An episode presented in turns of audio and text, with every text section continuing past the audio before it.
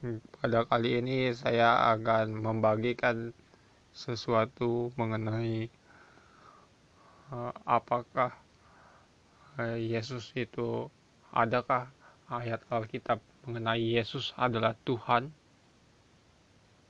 Jawabannya ada.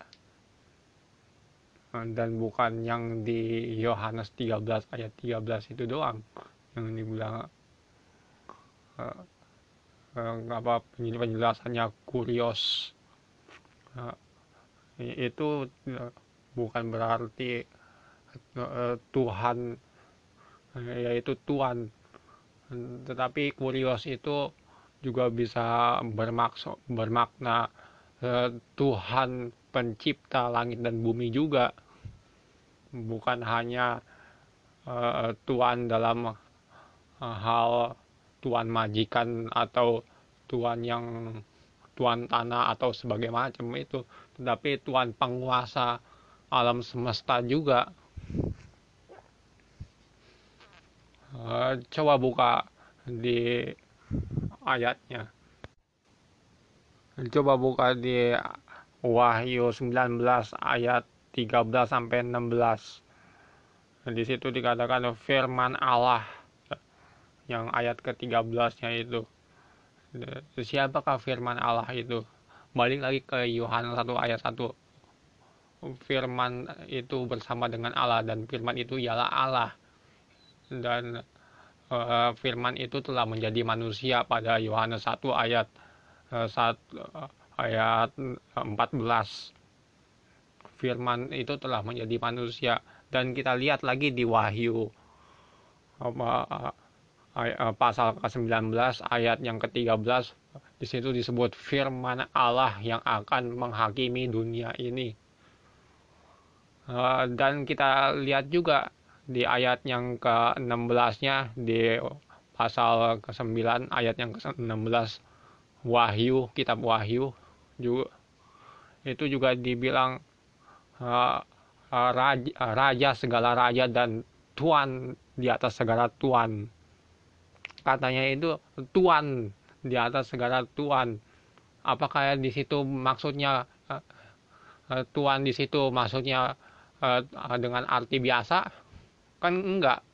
Kan tuan di atas segala tuan. Berarti dia di atas segala-galanya tuan yang ada di dunia ini. Penguasa di dunia ini dia di atas segala-galanya. Itulah mengapa Yesus itu beneran Tuhan, bukan arti kurios dengan arti biasa saja, tetapi uh, kurios dengan arti Tuhan pencipta. Begitu penjelasan saya. Eh, semoga kalian dapat mengerti. Pada part yang kedua ini saya akan menjelaskan tentang ketuhanan Yesus Kristus yang dikabarkan oleh murid-muridnya. Eh, kita baca di kisah Rasul 11 ayat yang ke 19 sampai ke 21. Kisah Rasul 11 ayat yang ke-19 sampai 21. Di situ dikatakan um, dari yang B aja. 19 yang B. Mereka tersebar sampai eh, ke Venesia, Siprus dan Antioquia. Namun mereka uh, memberitakan Injil kepada orang Yahudi saja. Akan tetapi di antara mereka ada beberapa orang Siprus dan orang Kirene yang tiba di Antioquia dan berkata-kata juga kepada orang-orang Yunani eh, dan memberitakan Injil bahwa Yesus adalah Tuhan dan tangan Tuhan menyertai mereka dan sejumlah besar orang menjadi percaya dan berbalik kepada Tuhan. Eh, di sini kita bisa eh, lihat bahwa tangan Tuhan menyertai mereka yang mengabarkan berita Yesus yang adalah Tuhan. Eh, dari ayat tersebut kita bisa simpulkan demikian jadi anggap jadi anggapan orang salah menilai menilai Yesus yang adalah Tuhan itu dibilang salah itu dia yang salah bukannya orang Kristen. Dan juga kita bisa temukan di eh, kisah Rasul 2 ayat yang ke 36 di situ Petrus dengan tegas mengatakan bahwa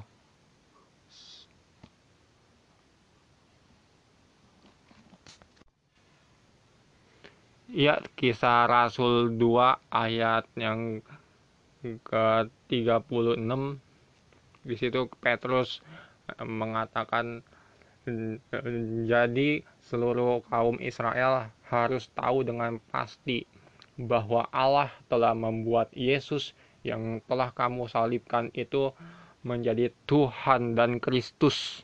Nah, di situ lebih tegas lagi Petrus yang mengatakannya, murid dari Yesus sendiri. Dan juga kita bisa temukan lagi di di kisah Rasul uh, 10 ayat yang ke-36 di situ Petrus lagi bilang itulah firman yang ia suruh sampaikan kepada orang-orang Israel yaitu firman yang memberitakan damai sejahtera oleh Yesus Kristus yang adalah Tuhan dari semua orang. Hmm, di situ juga lebih tegas lagi ya, dia yang adalah Tuhan atas semua dari semua orang. Nah. Ya, jadi uh, anggapan anggapan orang kita yang menuhankan uh, Yesus melalui konsili Nicea melalui konsili Nicea itu ya Yesus Kristus diangkat jadi Tuhan itu salah. Karena pada um, dari mulanya juga murid-murid Yesus sudah mengabarkan demikian dan tangan Tuhan menyertai mereka begitu. Bukan uh, bukan berarti uh, dari orang-orang sini udah memalsukan firman Tuhan. Uh, justru mereka dari dulu menjaga firman Tuhan tersebut.